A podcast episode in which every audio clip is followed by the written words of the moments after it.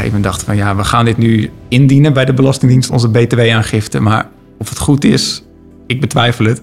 Dus dan zei ik altijd wel tegen van nou, je komt me wel opzoeken als ik in de gevangenis zit. Geld verdienen? Het hoeft geen eh, doel op zich te zijn, maar als je van je passie of je levensovertuiging kunt leven, dan is het natuurlijk mooi meegenomen. In deze podcast ga je verhalen horen van ondernemers en waarom een goede boekhoudoplossing zo belangrijk is. Zometeen praat ik met Joost van Willigenburg van Be More Unicorn. Hij is uh, fotograaf, content creator, influencer, heeft een eigen bedrijf en hij doet zijn boekhouding bij Paperdork. En uh, van Paperdork uh, zitten hier aan tafel Mark, Nicky en Erik. Ja, klopt. Hallo. Hallo. Hallo. Even in het kort, wat is Paperdork? Uh, nou, Paperdork is eigenlijk een soort van complete oplossing voor als je als ZZP'er of met een VOF je boekhouding wilt regelen. Um, aan de ene kant is het een modern en innovatief boekhoudprogramma. Uh, maar omdat je alleen met een boekhoudprogramma nog niet geholpen bent, krijg je er aan de andere kant ook een cijferbaas bij. Een cijferbaas is eigenlijk gewoon een boekhouder. Uh, en de boekhouder die helpt je met de lastige dingen, dus uh, de aangiftes. hij denkt met je mee, hij doet checks op je administratie. maar je kunt er ook met al je vragen terecht. Oké, okay. en jullie zijn alle drie cijferbazen? Of hebben jullie allemaal andere functies? Nee, we hebben allemaal een andere functie. hier aan tafel is alleen Mark een cijferbaas. Ik, uh, Nicky, uh, doe dus de marketing van Paperdork en alle communicatie eromheen. Dus ik schrijf de blogs, ik hou uh, de social media bij. Ik, ja, ik moet er eigenlijk voor zorgen dat, dat de agenda's van onze cijferbasis zo vol mogelijk komen te staan. En Mark, hoe is Paperdork ontstaan? Um, ik, ik, mijn achtergrond een beetje, ik, ik kom van een groot accountskantoor. Ik ben ook accountant van beroep. En ik, in mijn carrière heb ik heel veel boekhoudprogramma's gezien. En daarbij viel me op dat ze allemaal heel complex zijn. Je kunt er onwijs veel mee, wat, wat goed is. Maar ze zijn wel heel complex en voor gewoon een simpele uh, ondernemer is dat vaak helemaal niet nodig. Dus eigenlijk wilde iets maken wat gewoon heel simpel gebruik is voor iedereen die gewoon een simpele boekhouding heeft. Die gewoon een kleine eenmanszaak of VOF heeft. En daarmee wilde helpen, zeg maar. Oké, okay. en dat heeft Erik dan allemaal gebouwd, ja, denk ik. klopt. Ja. ja. Um, wat, wat is jouw achtergrond daarin? Mijn achtergrond, um, ja, ik ben uh, ooit bij uh, Exact heb ik uh, gewerkt. En daar stond ik aan de basis van wat nu Exact Online is. Het begin uh, was het echt super cool om aan te werken, want je maakt echt uh, weet je, dingen die je denkt van ja, het is makkelijk en uh, omdat het natuurlijk in het begin heel erg simpel is. En, en na de hand kwam ik achter en gingen we de dingen steeds complexer maken, want dan wilde de accountant ook een andere boekdatum hebben of en, en ik denk van ja, dit wordt echt veel te complex. Mensen gaan het niet meer snappen. En op een gegeven moment merkte ook dat gebruikers het gewoon ja, niet meer begrepen. En ik dacht, ja, waar zijn we mee bezig? Ja, dan merk je toch dat de accountants uh, waar exact dan naar luistert, dan meer de, de overhand uh, hebben. Want dat zijn dan uiteindelijk de, de, de, klanten die het meeste betalen. En dan denk ik van ja, dat, dat kunnen veel simpeler. En jullie hebben dat met z'n drieën opgezet dan toch? Ja, Paperdork. Um, en alle drie evenveel liefde voor de boekhouding, toch? Als het goed is wel, ja. ja. Nu wel. jullie hebben me gevraagd om uh, uh, een aantal van jullie klanten te interviewen over uh, hun onderneming. Be More Unicorn, het bedrijf van Joost van Willigenburg, is klant bij jullie. Um, een tijdje terug sprak ik met hem. En ik wil graag ehm, met jullie de, het eerste deel gaan, gaan beluisteren van dat interview. En ik heb zo meteen ook nog wat vragen voor jullie. Zo goed? Oké. Okay. Ja. Be More Unicorn, wat is dat voor jullie? Be Unicorn, ja, dat is ons kindje, om het maar zo te zeggen. Het is ontstaan in de loop der jaren eigenlijk, Be Unicorn. En dan vooral het stukje unicorn. Maar goed, dat gaat meer over de naam. Um, inhoudelijk, wat we vooral zijn, vinden we heel lastig om te vertellen. Want het is heel breed. We hebben die vraag wel vaker gehad. En eigenlijk zeggen we dan van, nou ja, het is een beetje influencers, content creators, maar daarnaast doen we ook nog zoveel andere dingen. Zijn we nu een boek aan het schrijven. Dus zeggen mensen, oh, dat ben je ook een schrijver. Maar goed, dat vinden we wel heel ver weg van ons bed. Dus het is best wel een breed pakket aan wat we, wat we doen. Daarnaast zit er ook nog een stukje fotografie in, wat ik dan voornamelijk uh, op me pak. Uh, dus het, ja, het is niet echt in één uh, term te vangen of in één korte zin te vertellen wat we doen. Dus het is heel breed, maar het is wel allerlei raakvlakken op het gebied van nou ja, contentcreatie en dan eigenlijk alles online. Met name Instagram zijn we vrij actief op. En daar halen we eigenlijk ook onze klanten uit. En, en dat is wel echt onze grootste bron.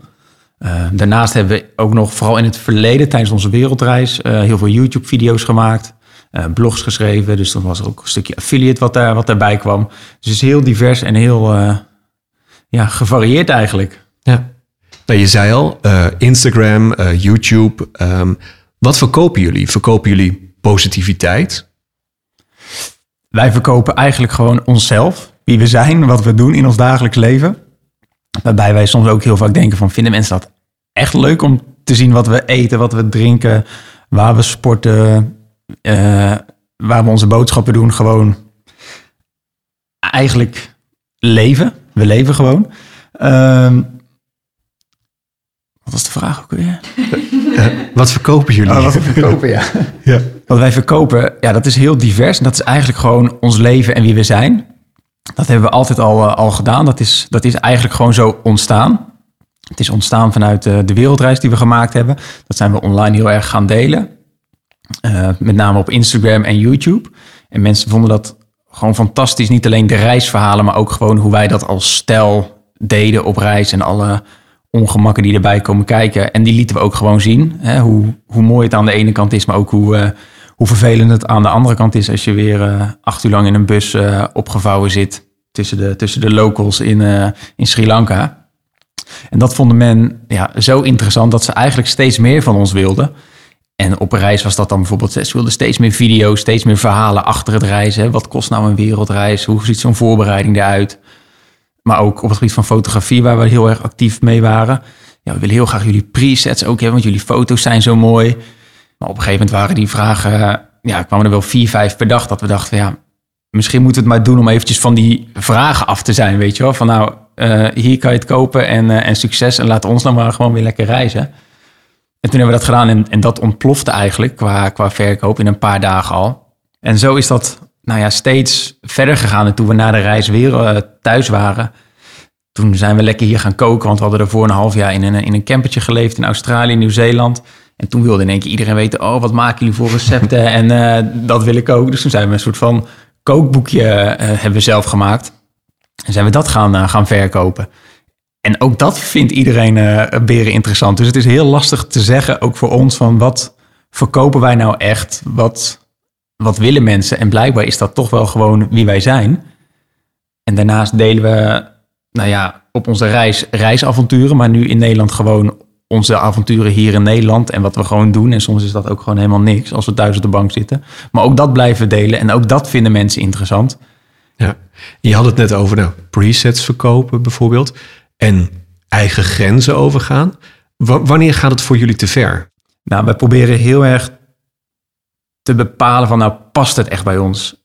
Hè, wij hebben op het moment een, een dusdanige eh, following online... dat heel veel bedrijven daar ook graag op willen meeliften en gebruik van willen maken. En die benaderen ons voor de meest gekke eh, nou ja, samenwerkingen en, en opdrachten... waarbij wij zoiets hebben van, ja, het verdient geld. Hè? Wat, wat er tegenover staat is leuk. Maar als we dit doen, ja, dat voelt voor ons niet goed. En eigenlijk voor onze volgers al helemaal niet. Dus dan zou je het puur voor het geld doen. En heel veel bedrijven die proberen wel nou ja, je te overtuigen of op een bepaalde manier mee te krijgen in hun idee. En dan verkopen ze dat heel leuk. Zonder bijvoorbeeld te zeggen wat echt het doel is van een campagne. En zo hebben we wel een aantal keren dat we dan in gesprek gaan met, met een partij. Die hebben- komen echt met een leuk creatief verhaal. Dat we denken, ja, dat sluit goed bij ons aan. Maar dat blijkt dan achteraf in één keer een, een lijntje te hebben met een, met een verzekeraar bijvoorbeeld. Dat wij zoiets hebben van ja, wij gaan ons niet inzetten om, eh, om verzekeringen te verkopen. In dit geval uitvaartverzekeringen. Dat we dachten, ja, dat, dat slaat helemaal niet bij ons. Hè? Het, het creatieve verhaal is leuk, maar aan het eind van de rit is het heel erg commercieel. En daar willen wij onze volgers en onze doelgroep verder niet eh, mee belasten en, eh, en dat opdringen eigenlijk. Ook al betaalt het heel goed. Dus ook dat, hè, soms is dat eventjes balen dat je denkt van, hé, shit, is toch een hoop geld waar we nu nee tegen zeggen. Want ja, je kan het, het ligt op tafel, je hoeft het alleen maar eh, aan te pakken. Maar we hebben wel gemerkt dat op de lange termijn het werkt om ook gewoon af en toe nee te zeggen. En, en aan jezelf en aan je bedrijf en waar je het echt voor doet te denken. Ja. En wij denken dat dat op, ja, uiteindelijk nu ook wel een paar keer een, een goede keuze is geweest. Ja. Ja. Nou, jullie hebben hartstikke mooie filmpjes eh, online staan. Ik heb ze denk ik bijna allemaal wel bekeken. Ehm, ik kan me ook voorstellen dat mensen zich afvragen... maar ben je daar dan de hele dag mee bezig? Is dit jullie werk? Ja, dat is een vraag die zeker nu de laatste tijd heel veel gesteld wordt. Van, maar wat doen jullie nou precies? En ja, jullie verdienen jullie geld. En, en hoe dan eigenlijk? Mhm. Die hebben er geen idee van dat wij bijvoorbeeld eh, onze stories... Wij plaatsen onze stories op Instagram op één moment van de dag. Eigenlijk in de avond. Heel veel mensen zeggen van... oh, dat, dat doen jullie bewust... omdat je dan maar op één moment bezig bent met je telefoon. Nou ja, ik kan je vertellen... wij zijn de hele dag druk met onze telefoon. Eh, met berichtjes, met mails, met, met van alles en nog wat. Uh, maar wij maken heel bewust of plaatsen die stories wel echt aan het einde van de dag. Want dan kunnen we wel echt een mooi afgerond verhaal voor onszelf uh, ervan maken. Want we willen wel onze, onze volgers meenemen gewoon in onze dag. En niet van, uh, nou ja, van de hak op de tak springen met stories, wat je bij heel veel accounts wel vaak ziet. En dan wat uiteindelijk, als je dan Instagram opent en je ziet dan zo'n story verhaal van die persoon. Dat zijn dan soms wel 30, 35 stories achter elkaar omdat die gewoon ieder uur, ieder dingetje wat hij aanraakt of wat hij doet, deelt uh, online. En waarbij wij vaak hebben, ja, maar dat willen mensen niet zien. Als wij vijf stories zouden maken van hoe wij uh, aan het werk zijn of wat we allemaal doen, denken mensen ook op een gegeven moment van ja, dat kennen we nu wel. En ik denk ook dat heel veel mensen ja, daar ook gewoon geen behoefte aan hebben om dat te weten hoe een, een dag van iemand er zo van minuut tot minuut uitziet. En die gaan liever veel mee gewoon in een flow en in een verhaal en ik denk dat dat op de lange termijn veel meer brengt dan alleen maar laten zien hoe, hoe succesvol en hoeveel afspraken iemand heeft. Ja. Want als je dat één keer deelt, ja, dan moet je het iedere dag delen. Ja. En dan denk ik ook, nou, waar zijn je afspraken vandaag dan? Ja. Waarschijnlijk gaat het niet, uh, gaat de business dan niet goed, of wel of niet. Dan krijg je juist dat soort vragen. Dus daar ben je wel heel... Want je, je zei er net van, oké, als mensen dit willen, van ons willen zien, dan uh, laten we dat zien. Dat is bij dit heb je wel een grens gesteld van ik ga niet elke dag uh, laten weten dat ik in bad ben geweest of zo. Nee, nee, en we proberen wel iedere dag wel een ander verhaaltje te vertellen. Hmm. En soms spreken we, spreken het ook van tevoren af met elkaar, Fiora en ik, van nou, gaan we vandaag storyen of niet? Hè? Want ja, dat moeten we al wel voor onszelf aan het begin van de dag bepalen. En soms zitten daar dan ook samenwerkingen tussen, tussendoor. Dus dan moeten we daar echt wel ja, is het ook wel een soort van plannen en rekening mee houden. En heel veel mensen denken dat het allemaal spontaan gebeurt. Dat die foto in één keer extra mooi is. En, en dat dat koken, uh, nou ja, voor een samenwerking met, met een, met een uh, voedselgerelateerd product, dat dat ook in één keer zo makkelijk tot stand komt. Maar goed, daar zit natuurlijk ook allemaal werk achter. En die foto's moeten vaak ook weer goedgekeurd worden door Ja, maar- zeg maar, de opdrachtgever. En, en dat, dat, dat ziet niemand. En Nee. dat is verder prima hoor. Ja, Maar, eh, misschien wil je dat ook allemaal niet weten, toch? Nee, misschien Nee. ook niet. Nee. Gewoon het mooie sprookje zoals het is, toch? Kun je het zo... Ja, Toch? Ja, Ehm, nou, Be More Unicorn, dat is de naam van jullie bedrijf. Ehm, jullie hebben ook allebei een tatoeage van een eenhoorn. Is dat de enige reden voor de naam van jullie bedrijf? Nou, die eenhoorn is ontstaan vanuit het, het, ziekteproces van Fiora wat ze, heeft, wat ze heeft gehad. Ze heeft vier jaar geleden leukemie gekregen, acute leukemie. Nou, dat was een heel lang ziekteproces van 2,5 jaar. Eh, dat hebben we samen, zeg maar, ook doorstaan. Ja. En, eh, en tijdens haar ziekteproces is die eenhoorn soort van centraal gaan staan voor haar, voor, voor kracht en doorzettingsvermogen. Dat begon gewoon met een, met een kaart en een paar sloffen van een vriendin. Die zei van, nou, jij hebt zoveel kracht en energie. Jij bent voor mij echt een, echt een unicorn. En toen is ze dat ook online gaan delen, want Fiora is op haar eigen Instagram ook eh, vrij actief en vrij groot. En toen ja, kregen we de gekste eenhoorn eh, spullen toegestuurd. dat ging van mokken, koppen tot pennen tot... Ja, we kunnen bijna een museum beginnen met eenhoorn eh, spullen. Ja. Eh, dus toen dachten we van ja, als we zo meteen op reis gaan, willen we dat ook op een apart account gaan delen. En toen was eigenlijk wel van ja, daar moet iets met een eenhoorn in. Of eenhoorn of een unicorn. En, en zo zijn we gewoon gaan brainstormen van nou, wat vinden we dan passen en wat ja, hoort bij ons. En wat kunnen we ook wel op de lange termijn gebruiken. Hè, dus niet iets met travel of backpack. Of, eh, want dan snij je jezelf ook in de vingers. Dus zo zaten we er toen al wel in hoor. Zonder de gedachte dat we er iets mee zouden gaan doen later. Hè. Zoals bijvoorbeeld nu dat daar een boek ook verschijnt. Maar dat is misschien ook een beetje mijn achtergrond. Ik kom uit de, uit de sales en we hebben alle twee eh, communicatie gestudeerd. Dus ja, we zijn daar wel bewust van. En toen hebben we heel bewust gekozen naar Be More Unicorn. Wees meer gewoon een eenhoorn. Hè. Heb wat doorzettingsvermogen. Leef vandaag. Eh, morgen is je niet gegeven. Gewoon echt een stukje positiviteit wat we proberen de wereld in te, in te slingeren. En dat kan dus inderdaad gelukkig met het reizen, maar dat kan natuurlijk ook, wat ik zeg, met van alles zijn. En zo is dat helemaal gaan ontstaan is, ja, is dat eenhoorn wel echt ons ding geworden. En hebben we op de, de laatste dag van Fiora haar chemo, dus haar laatste chemopillen, zeg maar, ze hebben die, die tattoo gezet. En eh, ik heb hem inderdaad op mijn enkel en zij op de pols. Dus dat was voor ons wel een- ook een mooi, mooie afsluiter of zo van dat, van dat stukje. Maar ook alweer de start eigenlijk van het hele Be My Unicorn eh, verhaal. Want diezelfde eenhoorn staat ook weer in ons logo. Die we hebben getatoeëerd. Dus zo ja, kan de cirkel niet, eh, niet nog ronder, zeg maar. Ja. Ja, Dus het staat vooral voor positiviteit ook. ja. Ehm, wie van jullie twee is nou de meest positieve? Oh, dat is Fiora wel. Ja? Ja, dat kan ik wel eh, met 100% zekerheid zeggen. En jij bent daarin meegesleept door haar?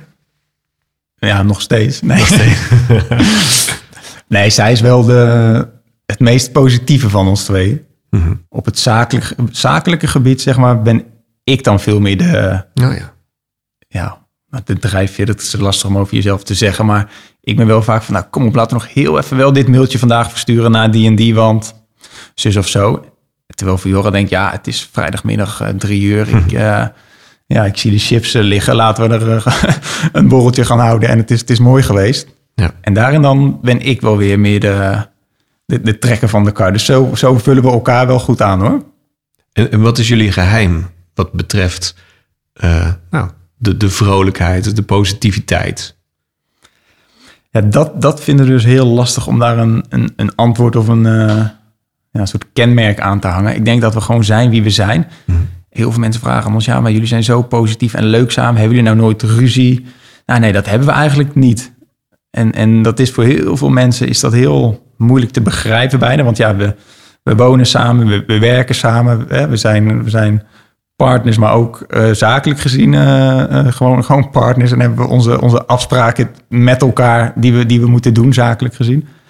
Vaak maken we 's ochtends als we wakker worden in bed even echt een, nou ja, van de to-do-list echt nog een to-do-lijst van, nou, wat willen we echt vandaag af hebben?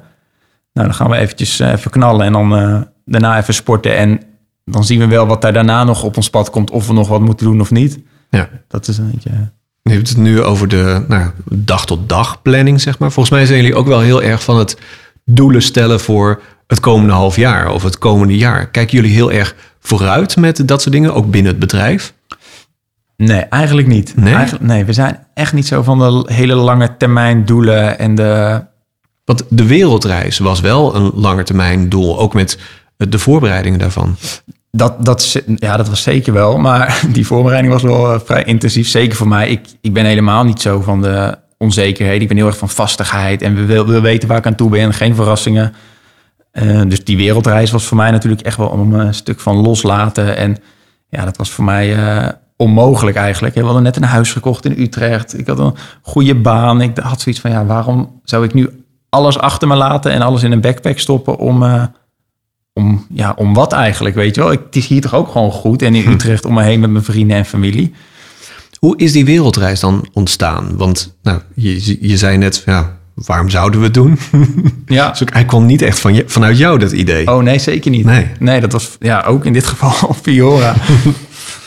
nee, die was ongeveer een half jaar, half jaar ziek. Ze was echt heel ziek, op de slechtste eigenlijk. En toen zei ze van ja, als dit voorbij is, wil ik graag wel eh, dit op een mooie manier afsluiten. En dat wil ik graag met, met, een, met een reis doen, een wereldreis. Ik zeg ja, leuk. Hoe lang dan? Een paar maanden of zo? Toen zei ze nee, ja, wel echt een jaar. Ja, en toen schrok ik wel. Toen had ik wel zoiets van oei, dat is wel heel, eh, heel ingrijpend. Sowieso dat moment om op wereldreis te gaan als zij tegenover je zit en ze is echt heel erg ziek. En ze was net al de haar verloren en heel veel kilo's aangekomen door de prednison. Dus überhaupt op wereldreis gaan was ja, wel echt een, een droom. Hè? Dat, Ja. dat, dat kon je bijna niet voorstellen dat dat nog überhaupt zou gaan gebeuren. Maar naarmate we ons daarin gingen verdiepen, hè, ze gingen nog steeds linkjes doorsturen van, oh, moet je dit filmpje eens kijken of deze bestemming of kijk, nou, kijk eens naar dit eh, stel die online reist en het ook eh, online deelt. Misschien moeten we het zo eh, op die manier gaan doen. Ja, is ook dat enthousiasme bij mij steeds meer ontstaan. Waarop, ja, waarop ik uiteindelijk wel heb gezegd van, nou, dan ga ik gewoon mijn baan opzeggen. Ze zeiden nog van, nou, wil je misschien terugkomen over een jaar? Dat ik zei van, nee, ik wil gewoon die vrijheid nu wel ook dan echt ervaren. Dan ga ik er ook wel echt gewoon vol voor. Eh, ons, ons koophuis hebben we verhuurd via makelaar in Utrecht. Dus ja, heel veel van die dingen waar ik heel erg bang voor was, wat nog steeds wel heel angstig voelde hoor, op dat moment, heb ik wel gewoon een soort van afscheid van genomen. En we zijn gewoon eh, ja, dat vliegtuig, in, vliegtuig ingestapt met een, eh, met een backpack en, en het gaan ervaren. Ja. En na een jaar zouden we eigenlijk teruggaan. En Fiore had wel zoiets van, ja, ik heb het wel gezien, het reizen en het leven uit de tas. En ik mis Utrecht en onze poes en gewoon dat eigenlijk wel. Waarbij ik eigenlijk zoiets had van, ja, maar nu ben ik nog niet klaar. Weet je, want nu zat ik, zat ik er zo lekker in en dat ik zoiets van, ja, dit wil ik eigenlijk altijd wel. Ja. Dus het heeft bij jou wel echt iets veranderd. Het heeft bij mij wel wezenlijk wat veranderd, ja. Ja. ja dus toen hebben we ook wel besloten om nog een half jaar langer door te gaan. Ja. Nou goed, dat werd uiteindelijk maar, eh, maar een maand vanwege corona, omdat we terug moesten. Ja. Maar goed, ja, ik, en, en die vibe heb ik wel vastgehouden, ook in mijn dagelijks leven wel. Iets meer gewoon het, het leven bij de dag. En eh, vroeger wilde ik graag weten wat er, eh, nou ja, wat ik volgende week eh, zondag ging doen, bij wijze van spreken. Mhm. En nu heb ik zoiets van, ja, Hm. ik, ik zie het wel. En zo, ja, zo staan we er zakelijk ook een beetje in. Het is, het is zeker geen laksigheid hoor. We, we denken er wel echt wel goed over na. Maar we proberen daardoor onszelf ook gewoon veel minder stress en druk daarvan te ervaren. Van het, het hebben van zo'n zo'n onderneming en echt het werken. Waardoor het wel echt een stuk leuker wordt hoor. Ja. Ja. En nou ja, voor de reis moest je natuurlijk een spaarpotje maken en zo. Zijn dat ook dingen die je nu nog meeneemt in, in je bedrijf? Van oké, we moeten sparen voor dat. Of we moeten financieel daarmee eh, eh, dingen voor bedenken. zakelijk gezien, ja, we hebben in die zin vrij weinig kosten. In ieder geval momenteel, zeg maar, waar we nu staan met het, het bedrijf. Dat we heel veel, zeg maar, apparatuur hadden we al aangeschaft voor de reis. En dat is al nou, een soort van afbetaald in die zin. Hè? Dat, dat, dat voelen we niet meer. Nee, kunt de bonnetjes natuurlijk nog eh, indienen. ja, natuurlijk. zeker, zeker. Ja, Maar verder eh, hebben we weinig, we hebben momenteel gewoon weinig, weinig kosten eigenlijk aan de zaak. Omdat natuurlijk heel veel online gaat. Ik denk dat heel veel andere mensen in die online hoek het wel zullen, zullen ervaren.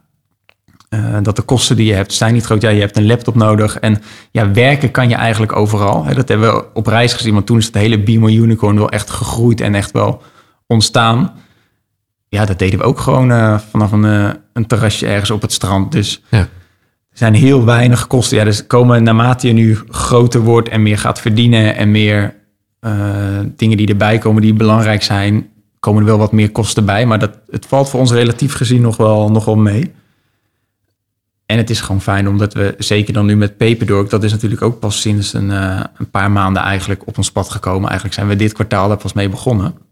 Want Paperdork is je, daar doen jullie je administratie eh, bij. Ja, ja, omdat het op een gegeven moment werd het gewoon een. eh, nou, ik ben sowieso niet heel erg goed aangelegd met, met financiën en met bonnetjes en administratie. Ik ben wel heel precies en secuur. Ja, maar ik wou het- zeggen, want jullie zijn heel het, in de video's heel strikt met, oh dan kun je daar en dan eh, hebben we die app gebruikt. En, ja, ja, nee, zeker. Dus, maar, maar als het echt maar echt daarop aankomt, dan is het soms wel gewoon een, eh, een bende. Fiore zegt dan vaak tegen mij van ja, als het bij jou maar gewoon in het kastje past en het kastje kan dicht en niemand ziet wat daar achter dat deurtje zit, is het goed.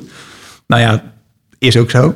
Ja. Oh, ik dacht dat jullie wel heel blij zouden worden van de structuur die in Paperdork eh, zit. Want die, dat helpt jullie wel, denk ik. Om Ja, het, eh, maar we hadden zoiets van ja, dat is nog niet aan de orde. Nee. We zijn maar gewoon een beetje aan het klooien en we verdienen daar geld mee, weet je wel. Het, het voelde niet zo alsof we een, een bedrijf hadden, zeg maar. Alsof we daar echt ja, geld aan het verdienen waren voor onszelf. Het was bijna meer een soort van extraatje. Oh, leuk dat dit Ja. zo kan. En oh, kunnen we op die manier ook geld verdienen met affiliate marketing. En oh, nou als we dan op YouTube video's twee reclames daarin eh, stoppen, oh, dan verdienen we misschien wel het, het dubbele, weet je. Dus het Ja. kwam allemaal heel spontaan. Hoe zijn jullie dan bij Paperdork gekomen? Is dat ook spontaan gebeurd? ja, ook via, via Instagram eigenlijk. Alles, alles gebeurt in ons leven bijna via Instagram. Eh, ja, omdat we in Q2 uit mijn hoofd van, van dit jaar liepen we zo te, te kloten eigenlijk. En we, ja, we hadden gewoon een Excelletje met, met inkomsten, uitgaven. En dat we op een gegeven moment dachten van ja, we gaan dit nu indienen bij de, bij de Belastingdienst, onze, onze BTW-aangifte. Maar of het goed is, ik betwijfel het. Dus dan zei ik altijd al tegen, tegen van nou, je komt me wel opzoeken als ik in de gevangenis zit. Want ik ga nu op verzenden drukken, maar of het goed is, eh, weet ik niet. Kijk, dat ging natuurlijk niet over hele grote, grote bedragen. Maar dat zet ons wel aan het denken. En, dat, en ook dat hebben we online gedeeld. Van ja, eh, het is altijd zo'n gekloot. En niet eens met de, met de opzet dat we heel veel tips of eh, inspiratie of andere tools van mensen wilde ontvangen waarmee zij dat doen. Maar gewoon, ja, dit is ook hoe het leven eruit ziet eh, van een, eh, nou ja, of ZZP'er of hoe, hoe wij in het leven staan. Ook dat hoort erbij. Ja. En toen, ja, we kregen heel vaak ongevraagd advies. En dat is soms niet leuk, maar soms ook wel heel, heel goed en heel fijn. En in dit geval zeiden een aantal mensen van ja, misschien moet je eens kijken bij, bij Paperdork. En wat we dan heel vaak doen, hebben we ook op onze reis gehoord of gezien en gemerkt van als iemand een tip geeft, denken we, oh ja, het zal wel. Maar als zo'n tip twee of drie keer tot je komt, dan denk je, ja, dan is het interessant. Misschien moeten we daar toch eens onderzoek naar doen of kijken wat het is. Ja. En dat hebben we in dit geval ook gedaan. Toen hadden jullie waarschijnlijk een eerste gesprek. Ja, toen hebben we via Instagram hebben, hebben contact gehad. Ja, ook via Instagram. Ja. En, eh, en toen zijn we gaan, eh, toen hebben we een, eh, een, een call gehad, inderdaad, via, dat was in de coronatijd, dus gewoon via de laptop, gewoon lekker vanuit huis. Waarbij wij gewoon aan konden geven van, ja, hier lopen we aan. En dat is vooral gewoon de, de, de bonnetjes en waar moet je nou wat in boeken. Want we, we deden echt maar, echt maar wat. Mhm. Het was meer dat we alles op de grote hoop gooiden en BTW eraf en Ja. indienen maar. Ja. En ik denk dat heel veel mensen in zo'n beginstadium van hun bedrijf zeg maar dat doen. Maar al snel hoorden we tijdens die eerste call bijvoorbeeld dat je een, een laptop en een telefoon, ja, dat je dat ook allemaal op een bepa- bepaalde manier kan inboeken als, als investering. En dat je daar ook weer qua, qua BTW teruggave enorme voordelen in, eh, in hebt. Dat wij dachten, oh, oké. Ja. dan hebben we hè, bij wijze van spreken het nu alweer terugverdiend wat we, wat we aan zo'n zo'n boekhouden, in dit geval Peperdoor, kwijt Ja. zouden zijn. En zo werden we eigenlijk in die eerste call, nou ja, kwamen de ene naar de andere eh, startersvoordelen en, en aftrekmogelijkheden. Dat we dachten, oh, dit is wel interessant. Die waren we zelf echt nooit opgekomen. Nee. En daarbij is het hele administratieve stuk met het bonnetjes. Hè, dat is gewoon nu op één plek makkelijk inscannen en binnen twee klikken st- staat dat erin. Zelfs met een app, ik hoef niet meer zoals vroeger. Hè. Dat is eh, vier maanden geleden. Met een Excel-sheetje te openen en het weer te, te copy-pasten en knippen en, en moeilijk op één plek te hebben. Dus dat maakt het wel heel fijn. En wat het voor mij vooral heel fijn maakt, is ook gewoon een stukje zekerheid dat het goed is dat ik niet, eh, als het goed is, niet in de gevangenis eh, beland. En is het eh, voor jullie dan ook nog belangrijk hoe Paperdork dan is als bedrijf? Moet het bij jullie pas? Ja, dat was wel het eerste wat we tegen elkaar zeiden van, oh, dit ziet er wel goed uit, hè? Want we, ja, het eerste wat we hebben gedaan is gekeken op hun Instagram-account. Want ja, Instagram doen we alles en, en daar ja, maken we nu, eh, of daar vellen we nu ook ons oordeel eigenlijk gelijk over. Want dat doen mensen ook namelijk op, op ons account als ze daarop komen. En toen dachten we, hey, dit ziet er wel heel leuk uit. Jonge, frisse mensen, lichte kleuren. Ja, het zijn die kleine details wat het dan wel, wel trekt, maar vooral dat het niet zo suffig is. Hè, we, ja, we, we weten en we kennen wel meerdere bedrijven, boekhoudtools en zo. En dat is allemaal zo, ja, zo niet 2020 eigenlijk. Ja, dat is echt dat ouderwetse manier waardoor er ook geen zin in krijgt. En toen we dit zo zagen en na die eerste call, eh, call met Mark, hadden we wel zoiets van, nou, dit is misschien nog gewoon best wel leuk ook. Hè, om dat in te boeken. En dan zie je gewoon op je dashboard hoe je ervoor staat. Met dit kwartaal en met je omzet en je, met je btw-prognose. En dan dachten we, nou, dit hebben we nooit, eh, nooit gezien dat het überhaupt zo kon eigenlijk. En heel simpel. Dus dat maakt het voor ons alleen maar, nou ja, makkelijker. En daar, daar besparen we ook gewoon tijd mee. En in ons geval ook, ja, ook zeker wel geld. Ja. En jullie promoten dat natuurlijk dan ook weer op Instagram. Van, oh, hebben we dit of dat en dat. Dus zo kunnen weer nog meer mensen eh, kennis maken met Paperdork dan. Ja, dat, ja, dat, dat, dat hopen wij wel. Of in Ja. ieder geval, dat, dat gunnen we ze zeker, ja. Ja. Als ik zie hoeveel plezier we er nu... We zijn er eigenlijk nu pas één vol kwartaal mee bezig. Hoeveel plezier we eruit halen en dat die administratie nu al staat. Want nou ja, in het verleden hadden we nu al zoiets van... Oeh, het is het einde van het kwartaal. Ja. Moet, moet eh, binnenkort echt even een dag inplannen om... eh, want want da- daar waren we echt wel een dag voor onszelf mee bezig... om al die bonnetjes weer boven tafel te krijgen. En, en wat hoort, nou, hoort, hoort bij wat. En nu ja, zijn we er helemaal niet mee bezig. We weten dat het erin staat en er is zometeen een soort van één check en, en een druk op de knop. En dan weten we in ieder geval dat wij het ja, hebben gedaan zoals het moet. En dat er nog wel een fijne check overheen gaat. Ja. Dat, is- dat is wel... Die zekerheid is wel fijn, toch? Ja, ik ben Ja. van de zekerheden. Dus Ja. dit is zeker een, een, een goede zekerheid die, eh, die me aanspreekt, ja. Ja, Wat zou je andere beginnende ondernemers willen adviseren eh, als het om hun administratie gaat? Heb je een, een tip waarvan je denkt, oké, dat als ik dat van tevoren had geweten, dat had me zoveel tijd bespaard? Ja, vind ik lastig. Want aan de ene kant door eerst zelf een beetje te, te pionieren en te, aan te kloten in Excel, heb je wel iets meer gevoel erbij. En dan heb je het wel eerst ervaren hoe het, hoe het ook kan of niet kan in, in ons geval. Maar op een gegeven moment wordt het gewoon ja, steeds meer bonnetjes en heb je steeds meer inkomsten in ons geval. Dat we dachten van ja, we willen dit zo meteen wel echt goed op papier hebben. Dus ik denk zeker in zo'n beginfase zou ik het wel gewoon lekker zelf doen. Maar op een gegeven moment heb je wel zoiets van, nou, er zijn nu uitgaven en inkomsten. Ja, dit wordt nu riskant als ik dit moet gaan opgeven of waar ga ik dat onderweg boeken? En dan is het heel fijn om zo'n, zo'n in dit geval een paperdork achter de hand te hebben. Of in ieder geval daarmee aan de slag te gaan. Dus ik zou, ja, ik zou niet gelijk als iedere... Er zijn natuurlijk zoveel ZZP'ers die, die ja, hele magere omzetten hebben. Wat verder prima is met, met een paar bonnetjes in de maand. Ja, dan zou ik daar niet mee beginnen, zeg maar heel eerlijk. Dan zou ik gewoon ook dat, dat geld wat je uitgeeft aan paperdork in je zak houden... om eerst je onderneming te laten groeien. En want daar moet je wel mee in je achterhoofd houden van... ja, het zijn wel kosten die je natuurlijk hebt als bedrijf zijnde.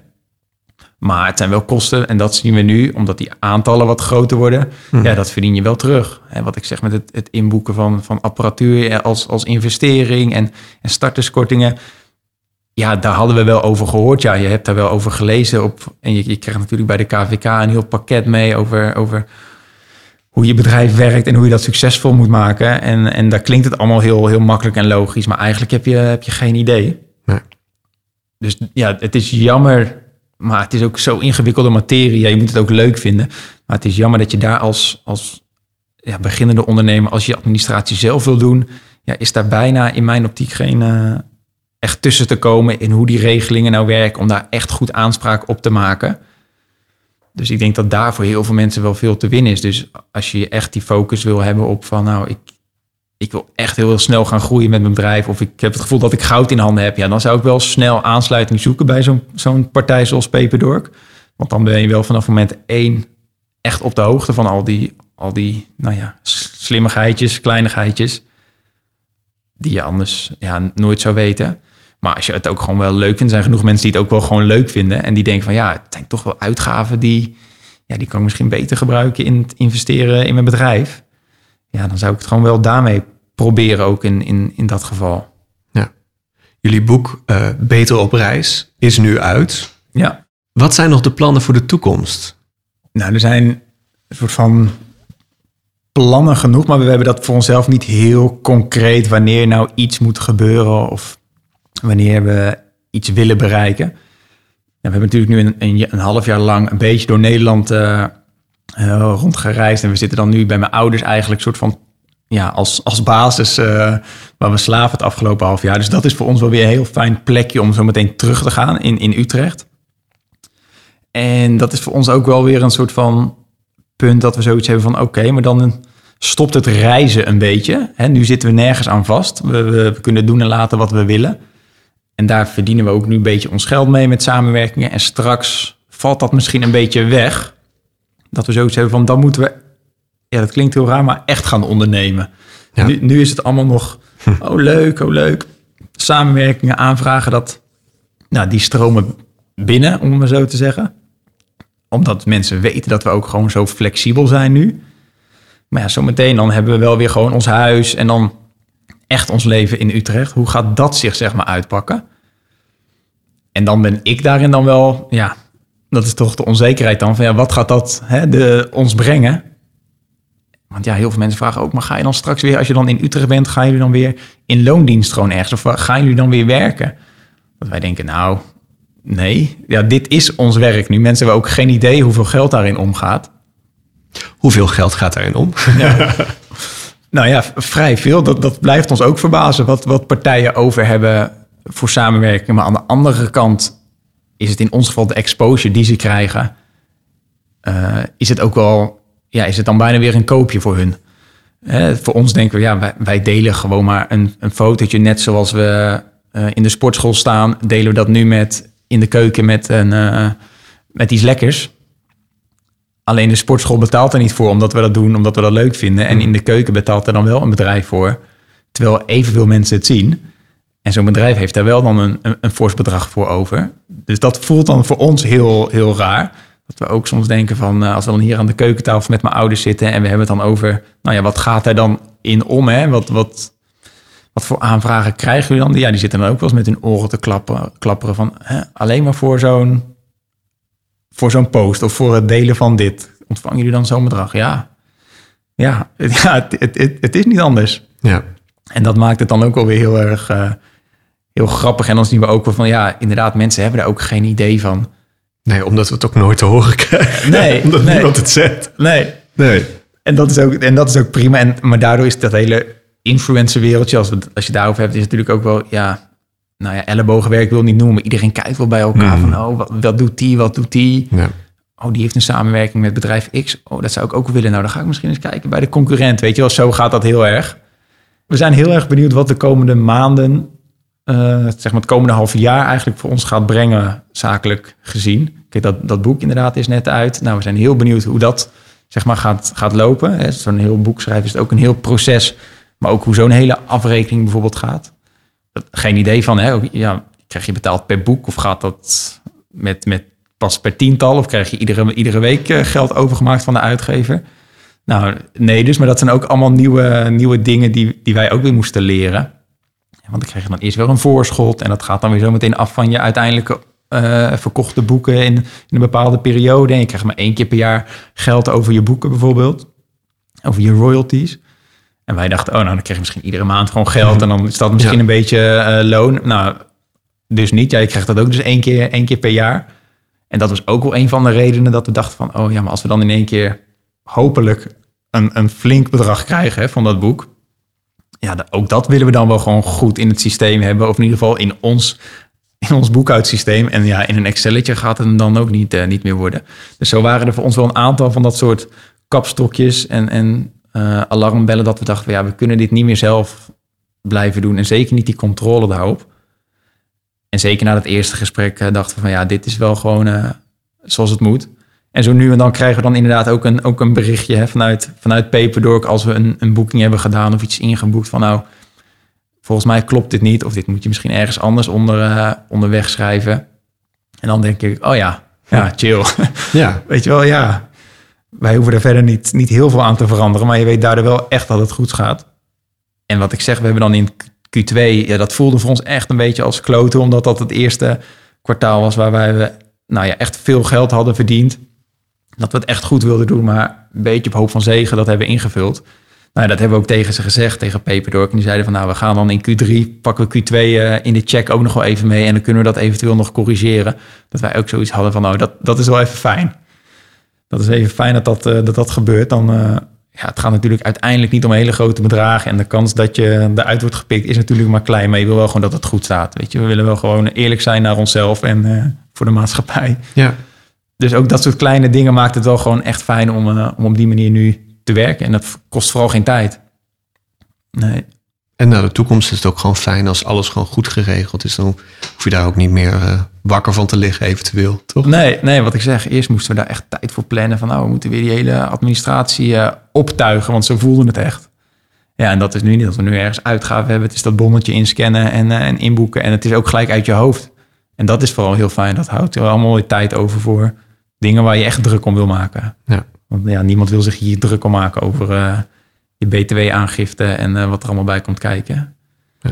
En, en zo staan we ook in het leven wel met heel veel dingen. Hoor. Als je dingen niet, niet zelf kan, ja, dan moet je het misschien ook gewoon niet willen. Er zijn heel veel, men, heel veel dingen kan je leren of kan je, kan je onderzoek naar doen of kan je jezelf eh, ja, daarmee verrijken met een bepaalde tool. Maar ja, als je sommige dingen gewoon echt niet leuk vindt, dan moet je het ook gewoon zeker niet, niet doen en niet aan beginnen.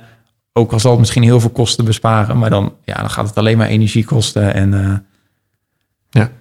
dat maakt je leven echt niet fijner. Misschien is dat wel een hele goede afsluiter en een goede tip voor beginnende ondernemers. Nou ja, dat, dat zou een hele goede tip kunnen zijn. Ja, zeker. Nou, dankjewel. Geen dank. Dankjewel. Nou, mooi denk ik om eh, nou, het verhaal achter de cijfertjes te horen. Wanneer, Mark, wanneer is eh, het beste moment om met Paperdork samen te gaan werken?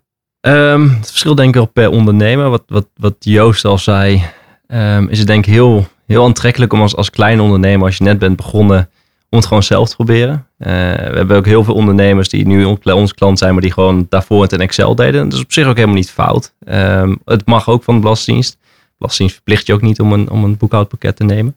Dus die zin mag het. Je moet gewoon alles elkaar bijhouden, maar dat kan ook in Excel.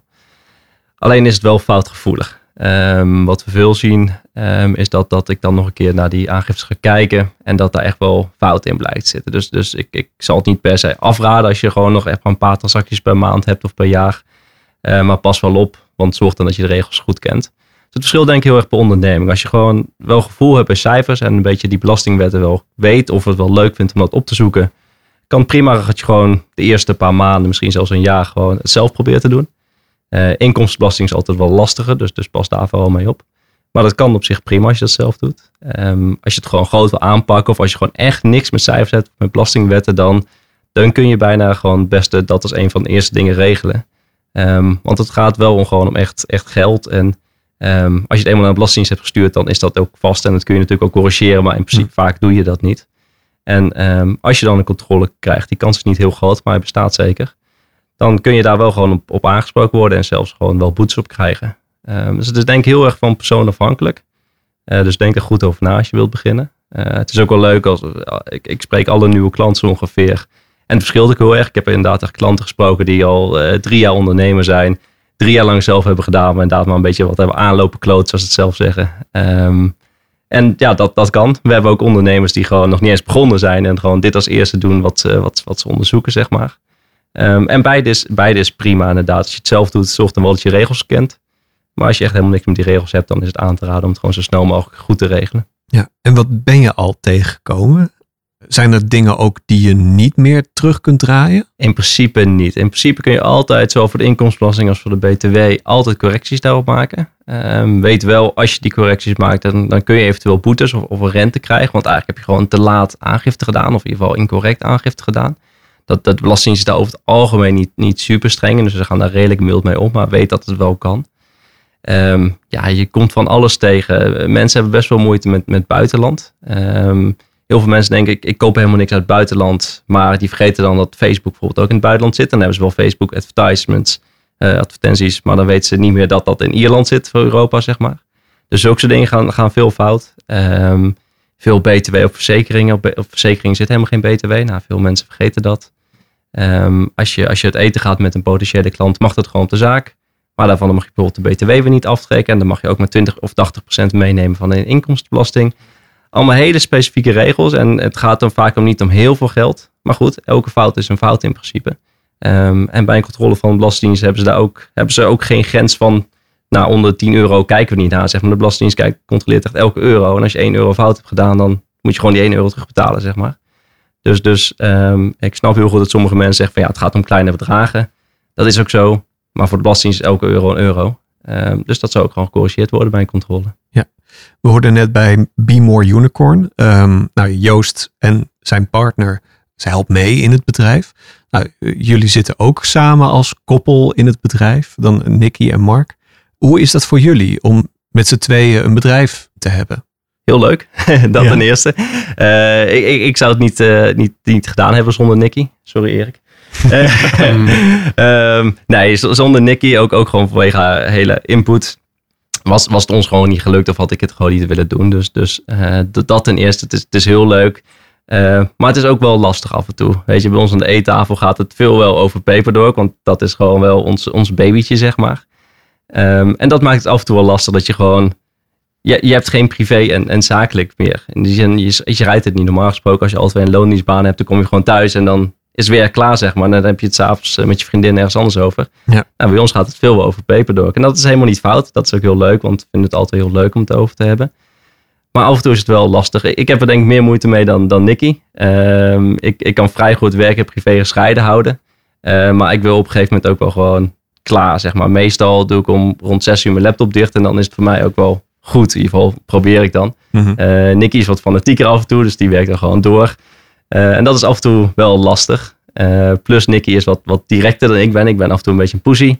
Dus af en toe heb ik zoiets van, nou weet je, als klanten iets niet hebben aangeleverd op tijd, heb ik zoiets van, nou ik stuur ze nog een reminder. Terwijl Nicky gewoon zegt, nee Mark, het is nu klaar. Weet je, ze hebben wel tien reminders gehad. Het is Hm. goed gewoon. En dat vind, is voor mij af en toe wel even lastig om, om, om met, met zo'n zo'n direct persoon samen te werken, zeg maar. Maar het is ook wel weer heel goed, want zij heeft meestal wel gelijk. Ja. Dus het heeft voor- en nadelen, maar ik had het nooit zonder haar willen doen. En jij bent meer van de agenda, toch, Nicky? Jij plant meer alles in, toch? Wat er allemaal gedaan moet worden. Ik eh, ben wel redelijk van het plannen, ja. Ja. ik eh, beheer ook Mark zijn agenda. Dus eh, Mark hoort 's ochtends van mij eh, welke, welke afspraken er voor die dag allemaal staan. Ja. Ja. Dan is het ook makkelijker om te zeggen, oh, dan stop ik om zes uur. Want je bent niet van de planning. Het is meer, Mark mag prima van mij om zes uur stoppen. Ik zal eh, na zes uur over het algemeen geen Hmm. eh, afspraken meer inplannen in Mark's agenda. Alleen, ik heb gewoon dat ik nog in mijn hoofd met dingen bezig ben. En eh, ik ben meer van het creatieve. Ik ben meer het creatieve brein achter Peperdork. En ik denk dan s'avonds nog over dingen na. En dan denk ik van, oh, toch nog even snel een vraag stellen aan Mark van hoe dat ook alweer zit. Dus dan vergeet ik wel eens dat het avond is en dat ik af en toe even mijn mond moet houden over Peperdork. En hoe is dat voor jou, Erik? Ehm, ja, af en toe, eh, ja, omdat, omdat het natuurlijk een, een stel is. En ik ben zeg maar een ja, derde wiel daarin. Eh, ja, soms, ehm, eh, ja, in het begin was het natuurlijk ook een beetje van, eh, ja, weet je, gaat dat wel goed? Want eh, ja, ik ben dan, eh, ja, de, de laatste die erbij is gekomen en zij hebben het idee natuurlijk al een tijdje. Ehm, ja, hoe gaat dat zijn? Eh, eh, maar eigenlijk werkt dat heel goed. Want jij zit niet s'avonds aan diezelfde eettafel. Nee, ik ben er s'avonds uh, niet bij. Nee, nee. Maar jij werkt ook veel vanuit huis, toch? Ja, ik werk eigenlijk alleen maar vanuit huis. Ja. Ik heb boven mijn hotel, uh, of mijn hotel, voor mij dan, mijn uh, zolderkamertje helemaal uh, ingericht als kantoor. En daar werk ik de hele dag. Ja. Hoe ziet Paperdork, want er zijn natuurlijk ook heel veel mensen die luisteren, die geen idee hoe de site er dan uitziet. Want je krijgt een, ook een login natuurlijk. Um, wat zie je allemaal, uh, Erik, als je ingelogd bent? Nou, als je de eerste keer inlogt, dan uh, krijg je een, uh, een, een takenlijstje eigenlijk te zien. Waarin we je meenemen om belangrijke features te laten zien. Zodat je meteen al lekker ingewerkt wordt. En als je daarmee klaar bent, dan kom je op het dashboard. Dan heb je natuurlijk een mooi overzicht van al je uitgaven en inkomsten. Um, en eventueel wat de, de belastingen totaal gaat worden, wat je gaat betalen. Um, ja, dat. Ja, je ziet gewoon in één pagina zie je alles, toch? Ja, ja. En dan kun je weer verder klikken om nou, meer... Uh, ja, om verder in te zoomen op ja. bepaalde transacties. Of, uh, ja. Een deel van de ondernemers is natuurlijk ook veel onderweg. Wat heeft Paperdork daarvoor bedacht om het nog makkelijker te maken voor ondernemers? Um, we, hebben ook, we hebben ook gewoon een app. Dus, dus uh, ik denk dat veel ondernemers gewoon via de laptop doen. Want tegenwoordig gaan heel veel bonnetjes via, krijg je gewoon via mail. Dus kun je het gemakkelijk via je laptop uploaden. Uh, we hebben natuurlijk ook bedacht, nou, je krijgt nog wel eens een fysiek bonnetje als je een keer onderweg bent. En je hebt wel ergens wat gegeten of je hebt getankt uh, met, je, met je zakelijke auto. We hebben ook gewoon een app. Die werkt eigenlijk precies hetzelfde als de applicatie op je laptop. Alleen dan gewoon mooi geskild naar je, naar je mobiele telefoon, zodat het er goed uitziet. En het grote voordeel daarvan is dat je een foto mee kunt maken. Dus je kunt gewoon naar, naar je kasboek eigenlijk, waar je alles inboekt. Dan kun je gewoon een fotootje maken van het bonnetje en scant hij hem automatisch in. Dus eigenlijk raden wij altijd aan, als je een bonnetje hebt wat voor de zaak is, gewoon een fysiek bonnetje. Maak meteen even die foto. En dan heb je altijd een backup, want het komt nog eens voor dat, dat je zo'n bonnetje kwijtraakt. We hebben elke dag, wij maken gewoon elke dag backups ervan. Dus op die manier heb je direct in je administratie staan, dus dat is het voordeel. Maar je hebt ook altijd gewoon een backup daarvan. Dus je kunt hem ook niet meer kwijtraken. Ja, en zoals Joost zei, kun je in de gevangenis komen bij een verkeerd bonnetje? Nee, niet zo snel. um, nee. Uh, ik zit even goed na te denken. Je kunt flinke boetes krijgen. Als de Belastingdienst echt kan aantonen dat je, dat je fraude hebt gepleegd. En dat gaat heel ver, dat zullen ze echt niet zomaar doen. Um, dan kun je een flinke strafloop krijgen. Echt gewoon hele flinke boetes. Gevangenis, dan moet je echt naar de officier van justitie en alles. Dat, dat zal niet zo snel gebeuren. Ik denk dat het in theorie kan. Um, in de praktijk voor een eenmanszaak die, die niet al te veel omzet heeft, zou het eigenlijk niet gebeuren. Nee. Wat zitten er grenzen aan? Kun je alles zomaar op de zaak zetten? Nee, nee, zeker niet. Veel mensen denken dat. Uh, en Nicky heeft in het verleden een webshop gehad. Die heeft, zelf, heeft ook wel wat fouten daarin gemaakt, heb ik later ontdekt. Uh, Vertel dat niet tegen de belasting. Nee, precies, misschien moet je het niet vertellen nee. zo. Ook dat zij niet meeluisteren. nee, veel mensen denken, een goed voorbeeld is, uh, mensen denken dat, dat nou, zit hier bijvoorbeeld nu op jouw kantoor, dat als jij daar gaat lunchen, um, zonder ons gewoon in je eentje ergens gaat lunchen, dat dat zakelijke kosten zijn, want hé, hey, je was toch aan het werk voor je zaak. Nou, dat is niet zo. De Belastingdienst zegt, uh, weet je, iedereen moet lunchen, of je nou ondernemer bent of niet. Dus als je gewoon een lunch in je eentje nuttigt, dan is dat niet aftrekbaar voor je zaak. Want ja, iedereen moet immers lunchen. Ja. Dus dat zijn, dat zijn dingen die, die mensen heel veel vergeten. Dus het zijn eh, kosten die je echt per se nodig hebt voor je zaak. Dus bijvoorbeeld een laptop als je, als je podcast maakt bijvoorbeeld. Of deze geluidsapparatuur waar we nu aan praten. Dat zijn echt zaken die je nodig hebt voor je bedrijf. Die mag je op de zaak zetten. Als het dingen zijn die gewoon eigenlijk voor je privé zijn. Ja, dan heeft het niks met je zaak te maken. Dus dan mag je het ook niet aftrekken. Dus eigenlijk heb je, heb je niet meer voordeel als je ondernemer bent dan als je, als je een privé- privépersoon bent. Er zitten natuurlijk wel wat, wat, wat, wat grensvlakken natuurlijk. Als je met een partner, met een zakenrelatie uit eten gaat, mag het op de zaak. Nou, dat is natuurlijk ook leuk uit eten gaan. Dus, dus het heeft voordelen eh, ondernemers zijn. Maar in principe mogen alleen maar zakelijke kosten op de zaak. Ik kan me ook voorstellen dat, nou soms weet je nog in het begin niet of je ondernemer wil worden. Dus dan koop je al een bureau of een laptop of iets dergelijks. Zijn die kosten, kun je die uiteindelijk allemaal nog nou, in het bedrijf zetten? Ja, dat kan. Ehm, je hebt kosten die je tot vijf jaar terug maakt voordat je bent ingeschreven. Heet de zogenaamde voorloopkosten. Ehm, en die mag je nog meenemen op het moment dat, het, eh, moment dat je ingeschreven staat en ondernemer bent, zeg maar. Eh, er moeten wel kosten zijn die je echt hebt gemaakt voor het bedrijf. Dus als het gewoon ehm, eh, een random boek is, zeg maar, wat je ooit hebt gelezen, ja, dat is natuurlijk niks wat je bedrijf te maken heeft. Maar als je echt iets hebt gekocht, bijvoorbeeld marktonderzoek naar een bepaalde marktgroep waar je, waar je op, op, eh, wilt, op iets wilt verkopen, dan mag je dat alsnog meenemen, ook, ook al stond je toen niet ingeschreven. En Nicky, ehm, jullie zien natuurlijk heel veel gegevens van allemaal ondernemers. Hoe gaan jullie daarmee om? Ja, dat, eh, Joost had het er natuurlijk al een beetje over. Onder andere bij influencers is het vaak een beetje van, nou, wat verdienen dat soort mensen nou? En nou, dat is wel, wel grappig, want wij hebben daar natuurlijk allemaal wel inzage in. Dus wij weten precies wat Joost en Fiora voor eh, die ene samenwerking, wat zij daarmee verdienen. Ehm, maar wij gaan daar uiteraard wel gewoon professioneel mee om. Ehm, het zijn met name de cijferbazen die daar eh, inzage in hebben. Uh, maar er zit wel een bepaalde grens aan wat we daarmee doen. Kijk, onze taak is eigenlijk om ervoor te zorgen dat het uh, voor de Belastingdienst correct in het systeem staat. En dat het dus correct wordt meegenomen met aangiftes. Um, maar je zult van ons niet uh, ineens horen van nou, we vinden dat je nu wel uh, heel weinig omzet maakt. Of misschien moet je die marges van je eens gaan verhogen. Nou, dat soort dingen, dat, dat is een beetje het grensgebied. Dat soort dingen, daar gaan wij ons in principe niet mee bemoeien. Tenzij iemand er echt actief naar vraagt om daar eens een keer over mee te denken. Uh, maar onze taak is om er gewoon voor te zorgen dat het correct in het systeem staat. Uh, en we gaan dat soort gegevens dus ook verder niet delen. Ook niet onder klanten onderling. Nee. Zitten er nog meer grenzen aan? Want jullie zijn wel heel betrokken bij de mensen die, uh, die Paperdork als boekhoudoplossing hebben. Ja, klopt. We vinden het wel heel belangrijk om betrokken te zijn bij onze klanten. Ook om op die manier een beetje een band met onze klanten op te bouwen. Um, en we merken ook dat dat helpt. Want ons, we merken dat onze klanten echt fans zijn. En dat zonder dat wij het aan ze vragen, dat, uh, dat ze ons gaan aanraden. Nou, zo zijn uiteindelijk Joost en Fiora ook bij ons terechtgekomen. Um, maar uh, ja, de grens zit eigenlijk op het moment dat het gewoon privacygevoelige informatie wordt. Uh, dan zullen wij dat niet met anderen gaan delen. Dus wij vinden het vooral belangrijk dat wij een band opbouwen. En dat we bijvoorbeeld ook onze bestaande klanten, dat we die telkens kunnen voorzien van nieuwe tips bijvoorbeeld. En dat ze continu weer wat van ons kunnen leren. Um, en op die manier bouwen wij een band op. Ja, ik kan me ook voorstellen, Erik, um, dat die gegevens, die staan allemaal ergens opgeslagen. Daar moet je goed mee omgaan, lijkt mij. Ja. Wat hebben jullie daaraan gedaan? Uh, nou, sowieso de database uh, is uh, voor een deel versleuteld. Uh, dus stel als dat de database, om wat voor reden dan ook, uh, dat er iets mee uh, zou gebeuren, dan kan niemand daar wat mee. en tevens hebben we ook beveiliging dat er maar vanuit drie IP-adressen bij die database dat daar naartoe gegaan kan worden. Dus dat is mijn IP-adres, die van hun en dan van de applicatie. Ja. Dus dat is helemaal afgeschermd.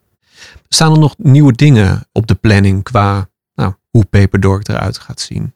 Uh, ja, er komen er heel veel wijzigingen nog aan. Uh, onze klanten vragen veel om uh, offertefunctionaliteit, dus daar zijn we nu mee bezig. en willen in de toekomst ook meer gaan doen met Dorky, onze AI-chatbot.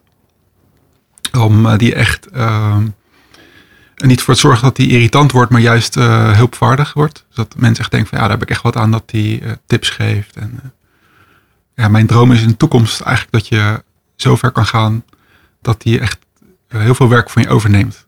Uh, dus dat je ook tegen hem zou kunnen praten.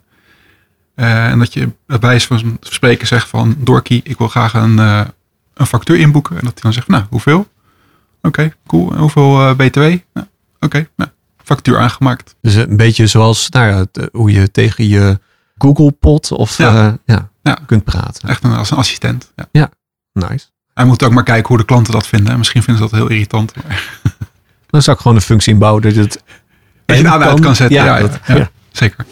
In de volgende aflevering spreken we met Mariska van der Meer van Definitely Yes. Nog maar 23 jaar en nu al het hoofd van de Nederlandse beroepsorganisatie voor wedding planners.